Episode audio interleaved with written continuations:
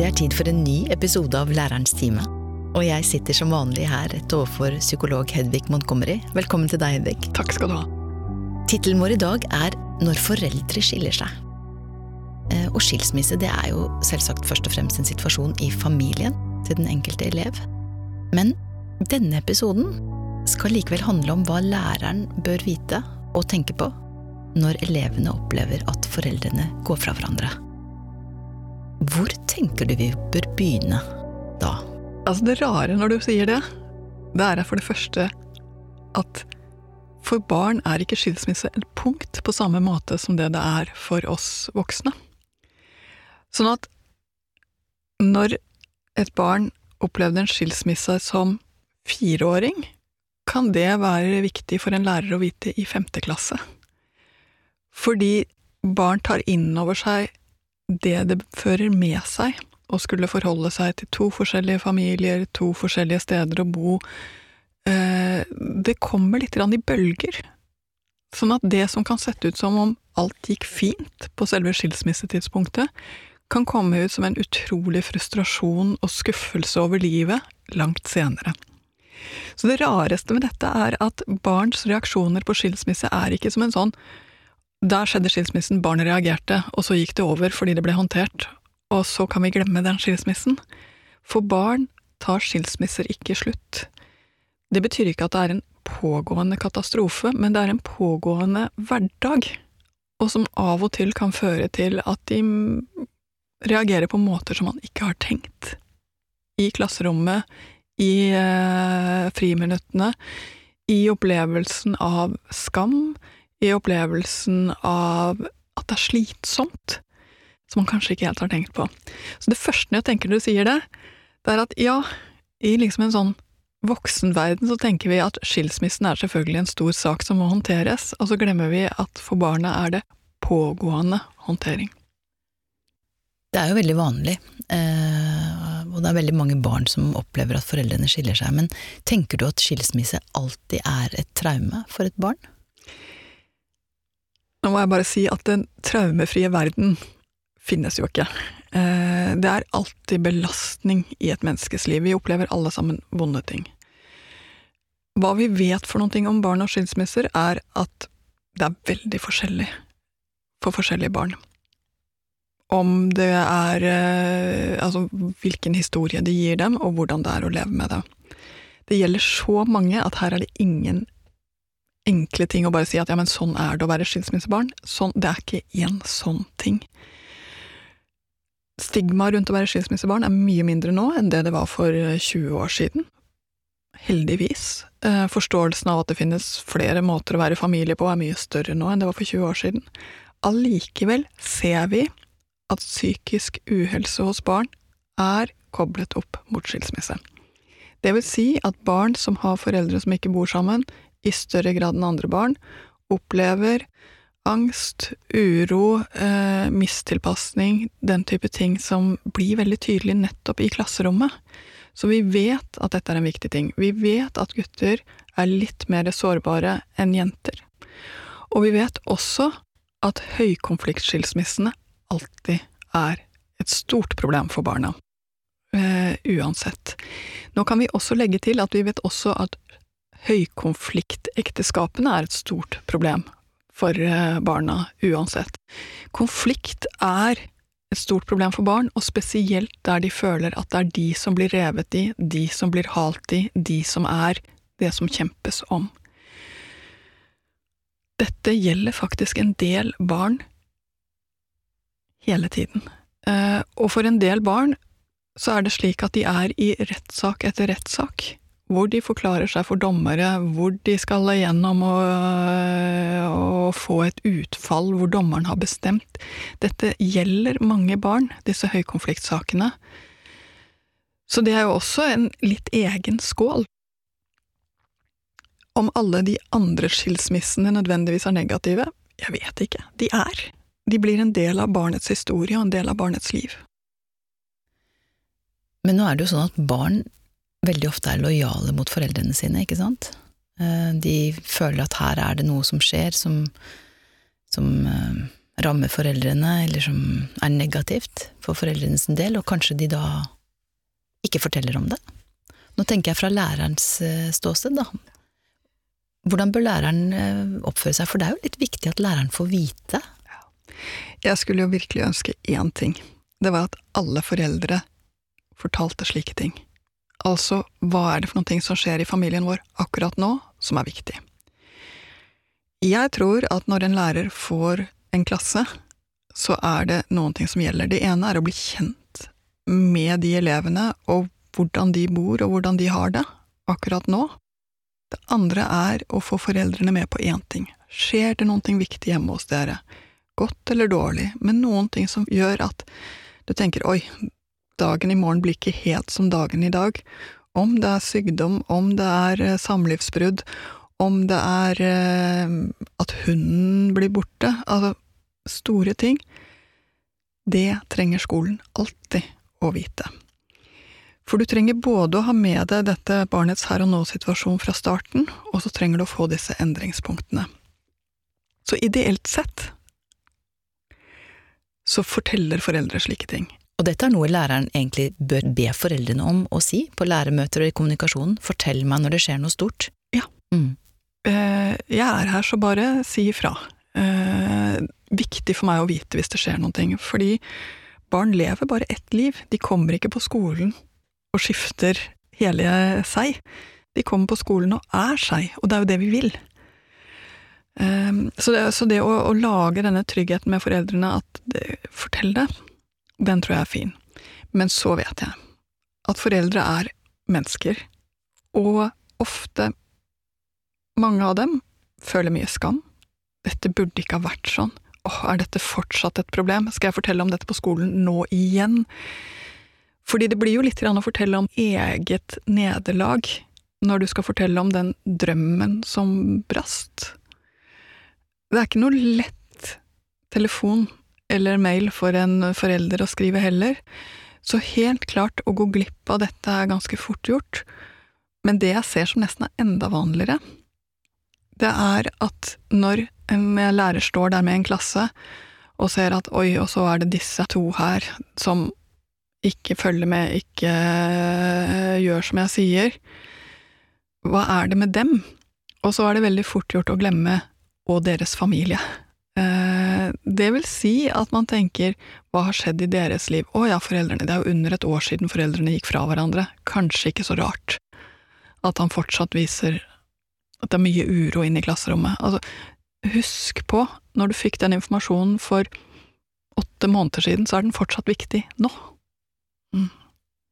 For hva slags type støtte trenger et barn som er eh, som har problemer i, i dette spennet mellom to foreldre i konflikt, eller, eh, eller bare det å pendle mellom to hjem eh, og leve i en 50-50-tilværelse? Altså det, det, som er eh, Vi ser mye med de barna som pendler mellom to hjem, så er det vanligste, og det er virkelig det vi har ønsket oss. Men det er helt klart at for en 9-10-11-åring, så er det å holde orden på tingene sine på to forskjellige steder, er en ganske stor oppgave, som de ikke alltid klarer så godt.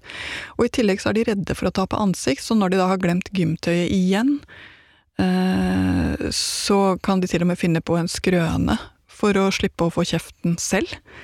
Eh, så det kan nesten kjennes litt ut som om de bruker det at 'å, det lå hos pappa', for å slippe å få kjeft.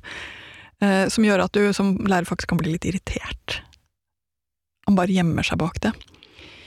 Men for de minste barna på småtrinnet, så ser vi ofte når det er eh, Altså at de får konsentrasjonsvansker når de opplever at det er uro rundt dem. Er det bråk i eh, deres nærområde, som man jo kan si at foreldrene er, så er det konsentrasjonen det i første rekke går utover. Eh, og de vil også sannsynligvis kunne ha noen fysiske plager, altså vondter eller, eller ting som, som er 'jeg trenger trøst'-signaler. Se de signalene for noe barnet trenger, ikke som noen ting som er galt og skal ordnes opp i, men mer som 'dette trenger jeg akkurat nå'-signal. For de litt større barna, vil si eh, mellomtrinnene, så ser vi at de så kraftfullt prøver å være riktige, altså holde maska. Og når de ikke får det til, så kommer det ofte litt brått på, det er litt sånn kranen er av eller på. Og da kan det være litt usympatisk når de plutselig da blir veldig urolige eller bruker eh, stygge ord eller eh, rett og slett får dårlig oppførsel. Men ganske ofte er det det vi ser på mellomtrinnene som et tegn på at nå føler jeg meg ganske alene her, kan noen være så snill å komme hit og se dette litt fra mitt ståsted? Um, så det å huske på at den er kjeften for den gymtøyet som uh, ikke ble med, men mer sånn ja ja, skjønner. Uh, kanskje det er smartere at du tar med gymtøyet på tirsdager enn at du venter til torsdager, som er en sånn dag hvor du alltid skifter, eller et eller annet sånt som gjør at de liksom får den lille både aksepten, men også hjelpen. For de vil gjerne være som alle andre. Ungdomsskoleelevene, der treffer både nye og gamle skilsmisser på en helt ny måte. Åttende, niende, tiende klasse ser vi at også skilsmisser som skjedde som for lenge siden kommer opp og blir som nye. Og det handler jo om at barnet her går inn i en fase som er å lete etter troen på livet, troen på kjærligheten, som er et stort tema, eh, og som absolutt er lettere i en familie hvor det er kjærlighet og nærhet. Eh, så vi ser at det river mer i de som eh, har opplevd at det har vært stille og tørt på den fronten. Og vi ser jo én ting til. Det å være steforelder eller ny partner inn til et lite barn er ofte en ganske hyggelig oppgave, og mange får det i hvert fall sånn noenlunde til. Det å være ny forelder eller steforelder til en tenåring er det langt vanligere å mislykkes med. Fordi det å elske en tenåring, jeg har alltid lurt på det, krever det at du har holdt det barnet som liten og søt når de kommer opp og blir svarte og innesluttede? Det gjør kanskje det, ikke sant? Eh, og det vil si at den steforelderen som har fungert sånn noenlunde i noen år, kan plutselig bli helt forferdelig negativ. Kjefte for mye, eh, bli for streng, eh, ikke forstå hvem er det som gjemmer seg der inne bak skallet, som igjen kan gjøre det veldig, veldig ensomt å være den tenåringen i denne fasen. Så på ungdomstrinnet så ser vi at mange gamle problemer blir som nye, og læreren trenger å være litt forberedt på det. Å ah, ja, der traff det en sånn bølge. Og i denne fasen her så er det at det finnes noen som liker meg. At det finnes ett menneske som ser på meg og smiler, er en livbøye på en helt annen måte enn både før og senere i livet. Det er viktig før og senere også, men det er helt avgjørende på ungdomstrinnet. Så kjenner du litt til denne historien til barnet, eller hva som skjer i barnets liv, så er det lettere for deg å vite hvor er det det trengs en livbøye. Men læreren kan være den livbøyen? Mm.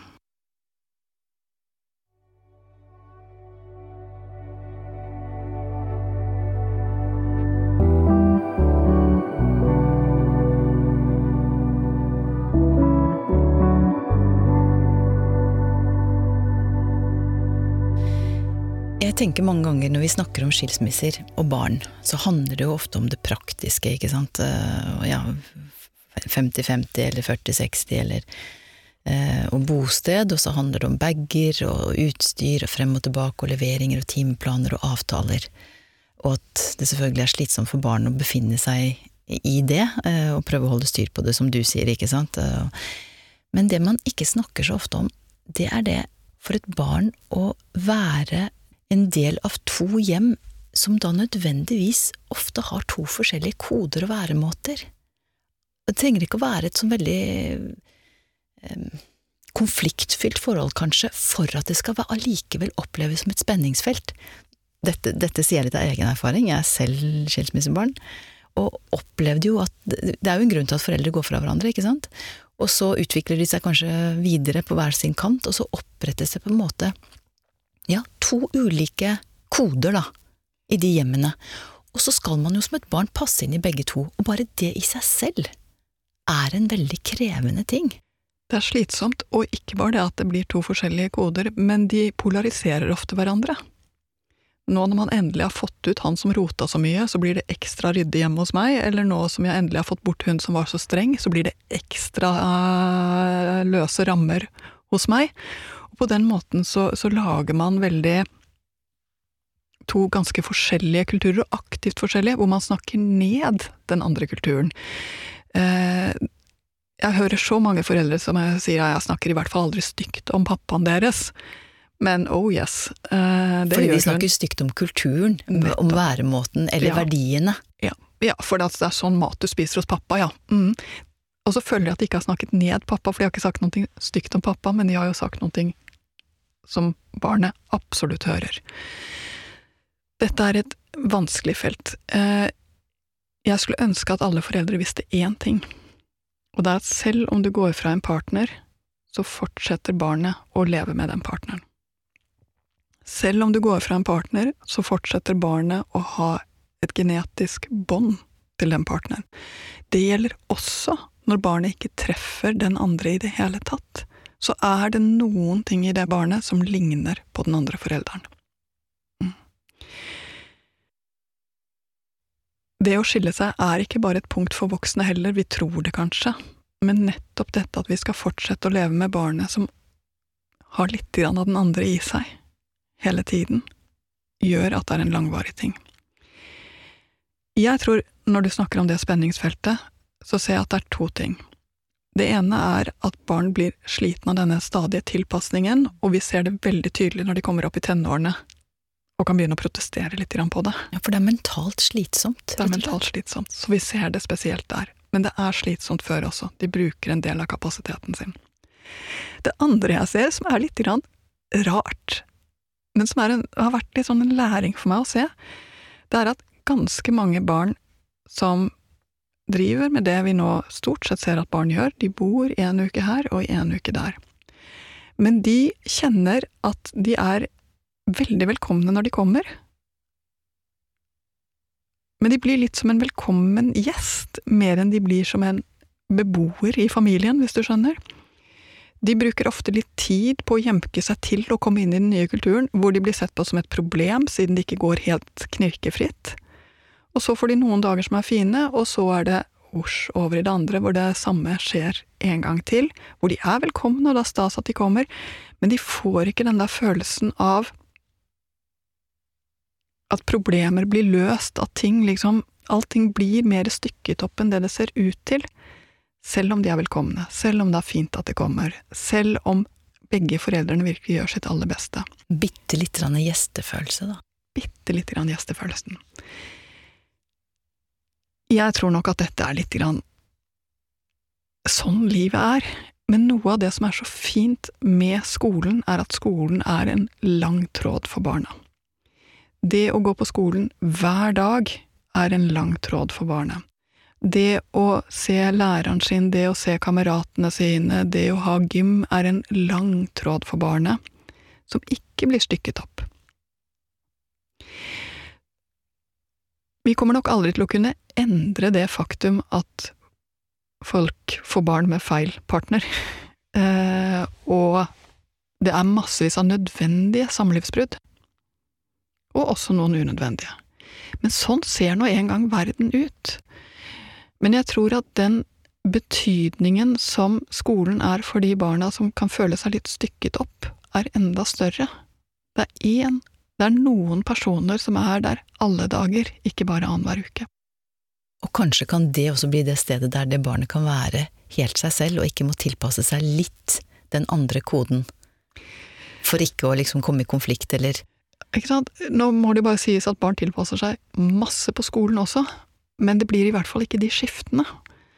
Eh, så, så jeg tror nok at skolens betydning blir stor, og da er det så viktig å ikke gjøre det til en negativ ting, den betydningen.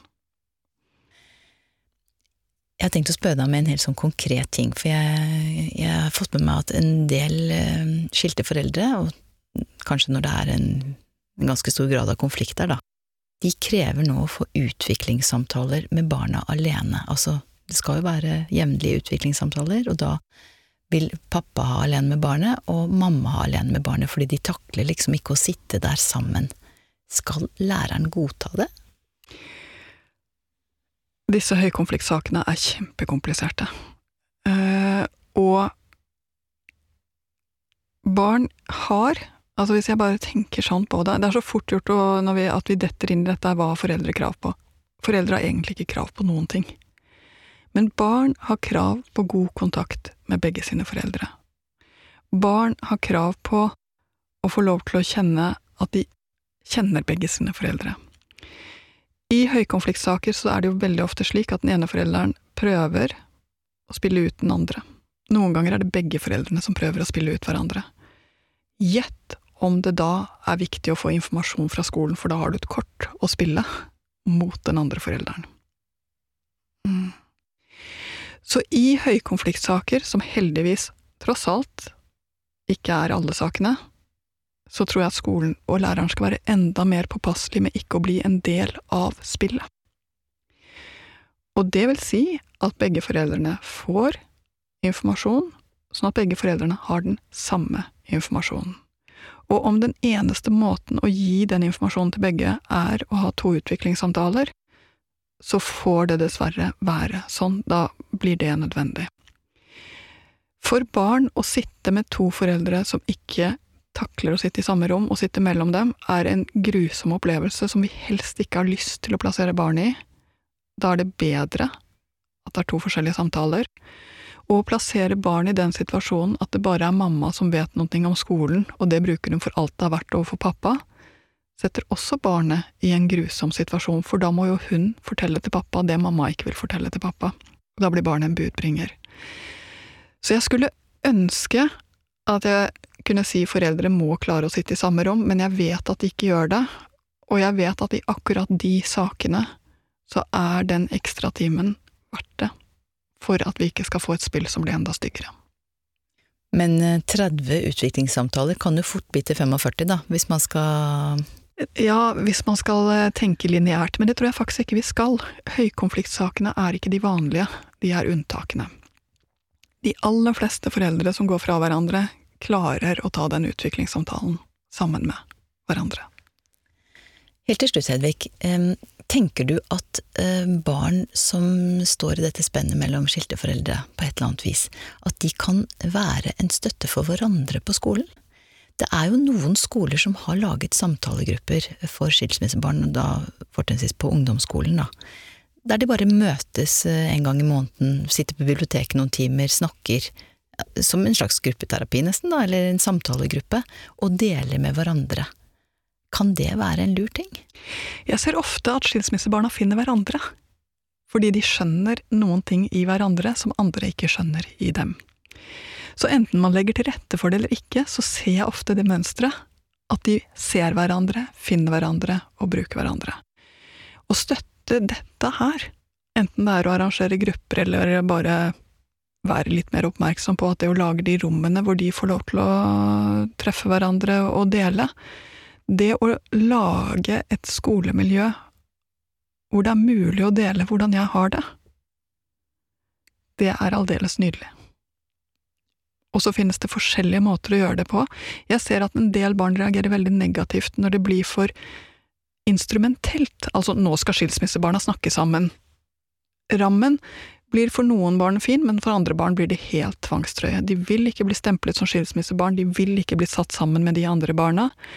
De kan til gjengjeld ha større glede av at de får lov til å være læringspartner eh, ganske tidlig med et av de andre barna i klassen som har noe av den samme erfaringen, altså at man legger litt til rette for det. Så det å ha blikket for det er det aller viktigste, og så lage litt forskjellige arenaer hvor det å dele blir trygt.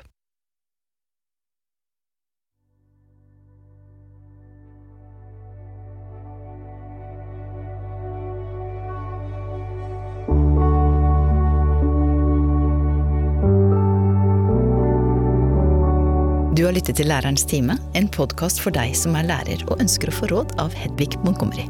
Du når oss på mail tonjohedvig at elevkanalen.no, og hvis du liker det du hører, anbefal oss gjerne til en kollega på lærerværelset. Hei så lenge!